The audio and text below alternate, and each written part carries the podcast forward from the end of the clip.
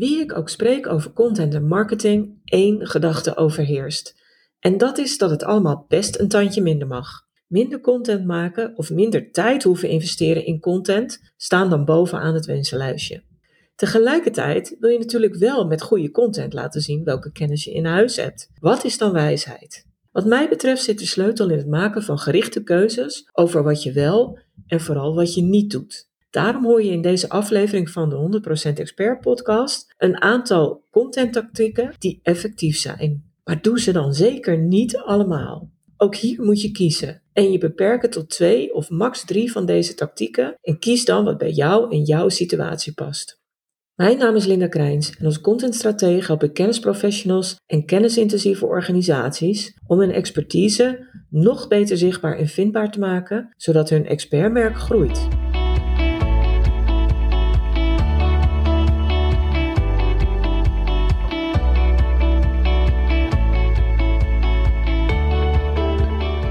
Als je minder content wil maken, maar wel hetzelfde of liever nog meer effect wil hebben, dan begint dat met je contentstrategie. In die contentstrategie leg je vast welke content je maakt, voor welk doel en voor welke doelgroep. Maar daarnaast maak je verdere keuzes in de middelen en de contentformats die je inzet. En dan kom je dus uit bij allerlei contenttactieken. Je kiest dan bijvoorbeeld voor de nadruk op een bepaald middel of op een bepaald kanaal, zoals je website of e-mailmarketing of een podcast. Of je stelt vast dat je inzet op blogartikelen of op video kunt dan ook nog kiezen voor SEO, voor een businessboek, voor gastbloggen. Nou, er zijn natuurlijk ontelbaar veel mogelijkheden. En omdat er zoveel mogelijkheden zijn, blijft die allemaal aan je trekken. Want de ene specialist zegt, oh je moet dit doen, het werkt geweldig. De ander weer, uh, roept weer iets anders. Vervolgens lees je ergens een artikel en dan kom je ook weer op een idee. Dus er is een veelheid aan keuzes. Maar je moet echt wel keuzes maken. En dan sta je voor een aantal behoorlijk lastige afwegingen, omdat het zo verleidelijk is om heel veel of misschien wel alles te doen van wat er kan en van wat er aangeraden wordt. En dat is echt de valkuil, want daardoor ga je veel te veel doen. En je tijd is je beperkt, zelfs als je zaken uitbesteedt. En misschien doe je wel veel liever andere dingen dan content maken die je expertise toont. Dus in plaats van te jubelen over wat er allemaal en wel en niet kan, wil ik het in deze podcast hebben over vijf contenttactieken waarvan ik zie dat ze heel effectief zijn als je jouw expertise goed voor het voetlicht wil krijgen. En sommige van die tactieken kosten niet eens zo heel veel tijd, maar vragen eigenlijk meer om een gerichte keuze, zodat je dan focus hebt en zodat je dat uiteindelijk ook op kan nemen in je contentplanning. De eerste contenttactiek die ik wil toelichten is dat je je richt op één specifiek middel. Op het moment dat ik deze podcast opneem is het uh, tweede helft januari en dan ligt er nog zo'n heel jaar voor je en dat betekent ook dat er nog ja, allerlei opties openstaan. Maar kies nou eens één heel specifieke optie en richt daar je aandacht en energie op. Waarbij je ook bedenkt van oké, wat er verder nog op mijn pad komt aan superleuke, intrigerende en, en kansrijke zaken, die laat ik even zitten. Maar ik ga me op één ding richten dat mijn komende periode mijn volle aandacht krijgt. En dan heb ik het over zaken als een businessboek schrijven of je heel nadrukkelijk gaan manifesteren op LinkedIn of je focussen op webinars, waarbij je mensen bij de hand neemt en Ehm, informeert en van hele goede kennis voorziet. Maar het kan ook zijn dat je je gaat richten op gastoptredens en gastblogs. Of bijvoorbeeld dat je je richt op PR en opiniestukken. Maar waar het om gaat, is dat je dan een keer één specifieke keuze maakt en je richt op één van die mogelijkheden. Waarbij je natuurlijk ook dan een goed plan moet uitdenken om dat echt uit te voeren. Want alleen met een plan en een planning lukt het je om de tijd in te ruimen en om de acties die je voor ogen staan ook echt te doen. En eventueel kun je daar dan ook specifieke ondersteuning bij regelen op tijd, omdat je denkt van, nou, dit kan ik misschien niet beter niet helemaal zelf te doen. En dan leg je echt de basis voor succes, door dus één specifiek middel te kiezen en daar het leeuwendeel van je energie en tijd op te richten. De tweede contenttactiek is dat je je richt op het bewijzen van je expertise. Als expert moet je eigenlijk continu bewijzen en mensen laten zien wat je in huis hebt. dat kan je wat tegen gaan staan, omdat we het vaak associëren met borstklopperij. Maar dat is eigenlijk helemaal niet aan de orde. En er zijn verschillende manieren om ervoor te zorgen dat je dit heel goed laat zien en dat je het bewijs, de bewijslast van je expertise heel goed op orde hebt. Ik noem hier even drie suggesties. Er zijn meer opties, maar het moet ook niet te veel weer worden. Je kunt je bijvoorbeeld richten op het verzamelen van reviews van klanten. En dan is het handig om echt een soort proces te maken, klein proces, waarbij je na elk positief klantcontact, elke tevreden klant om een review vraagt. Waarbij je ook meteen wat richtlijnen geeft, zodat iemand weet wat je ongeveer wil horen. En niet dat je het dan gaat voorzeggen, maar zo'n richtlijn kan zijn van wat is het concrete resultaat dat je van onze samenwerking of vanuit mijn dienstverlening hebt gehad. En dan weet iemand van, oh, ik moet een concreet resultaat noemen. Want zo'n concreet resultaat is voor andere mensen die jou nog niet kennen een enorme houvast om te bedenken van, hé, hey, dat is dus waardevol wat die persoon of wat die organisatie biedt. De tweede optie die je hebt om bewijslast te laten zien, is dat je een mediabalk maakt. Dus een balk met een aantal logo's van alle websites en media, andere kanalen, waar je genoemd bent of waar je een gastblog of een artikel hebt aangeleverd, waar je dus staat en te zien bent. En dat is een vorm van sociaal bewijs waarbij je leunt op de expertise, de expertstatus van die andere media.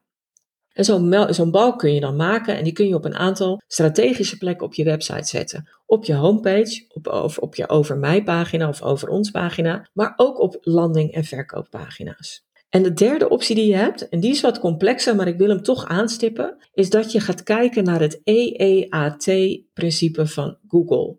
Noemen ze ook wel het double eat-principe. Heeft niks met eten te maken, maar Google zoekt voortdurend naar bewijzen, input, dat jij expertise, ervaring en autoriteit hebt. En die vormen samen dan de basis voor je betrouwbaarheid. Dus expertise, experience, authority en trust, dat zijn vier bouwstenen van EEAT.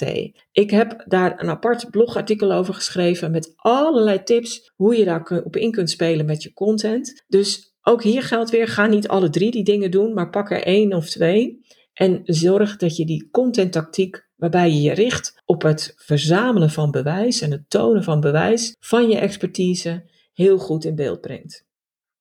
De derde tactiek is misschien wel de simpelste van allemaal, maar echt heel effectief. Laat zien wat je zelf continu leert en bijleert.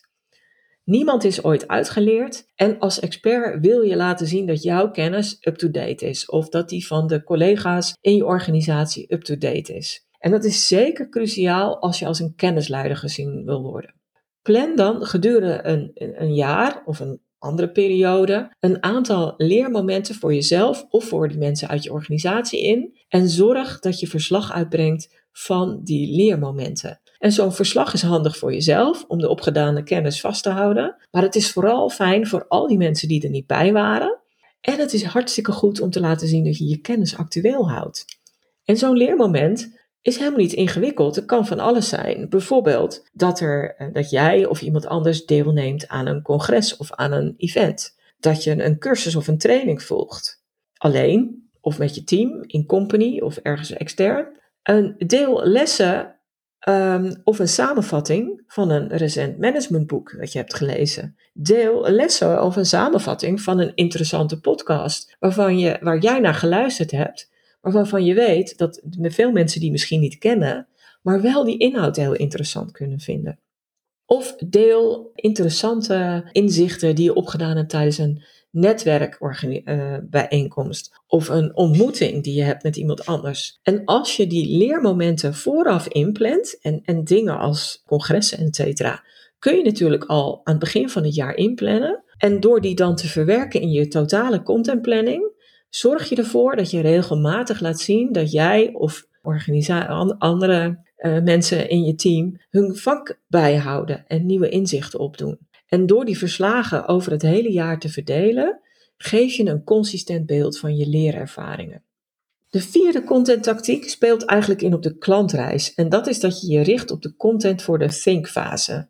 Dat is de verdiepende fase waarbij iemand al wel je een keer gezien heeft, of je organisatie een keer gezien heeft, voorzichtig op het idee komt van hé, hey, daar zou ik wat aan kunnen hebben.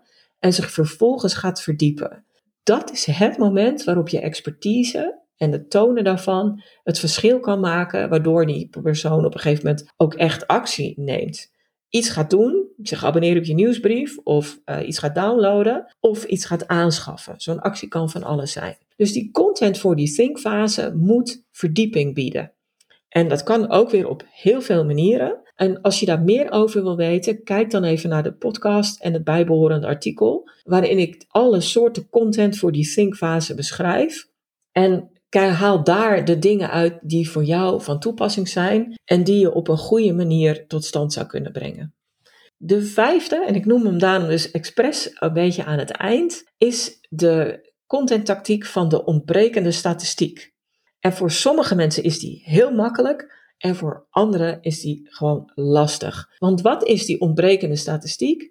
Dat is een feit, een gegeven uh, of een cijfer waar jouw doelgroep naar op zoek is, maar nog geen antwoord op gevonden heeft. Of een feit of een gegeven dat iedereen eigenlijk voor zoete koek aanneemt, maar waarvan jij denkt van ja, wat is hier eigenlijk de onderbouwing voor? En dat je dan op zoek gaat naar die onderbouwing.